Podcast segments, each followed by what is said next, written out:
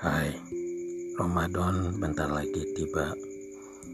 Banyak-banyak bersyukur, banyak-banyak berterima kasih, dan banyak-banyak menghargai. Terlalu banyak melihat kesuksesan dan pencapaian orang lain. Terlalu sering memperhatikan hidup orang lain yang ada di atas kita.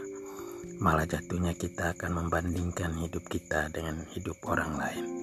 Dan pada akhirnya kita akan kurang berterima kasih kurang menghargai dan kurang menghormati apa yang sudah Allah kasih, apa yang sudah kita punya dan apa yang sudah kita dapatkan.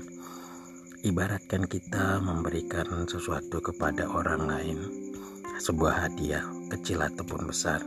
Ketika orang itu tidak berterima kasih atau bahkan tidak menghargai pemberian kita, kita pasti akan kecewa dan marah dan akan berniat tidak akan memberikan itu lagi kepada orang tersebut. Begitupun Allah dia bisa saja mengurangi nikmatnya karena kita kurang bersyukur.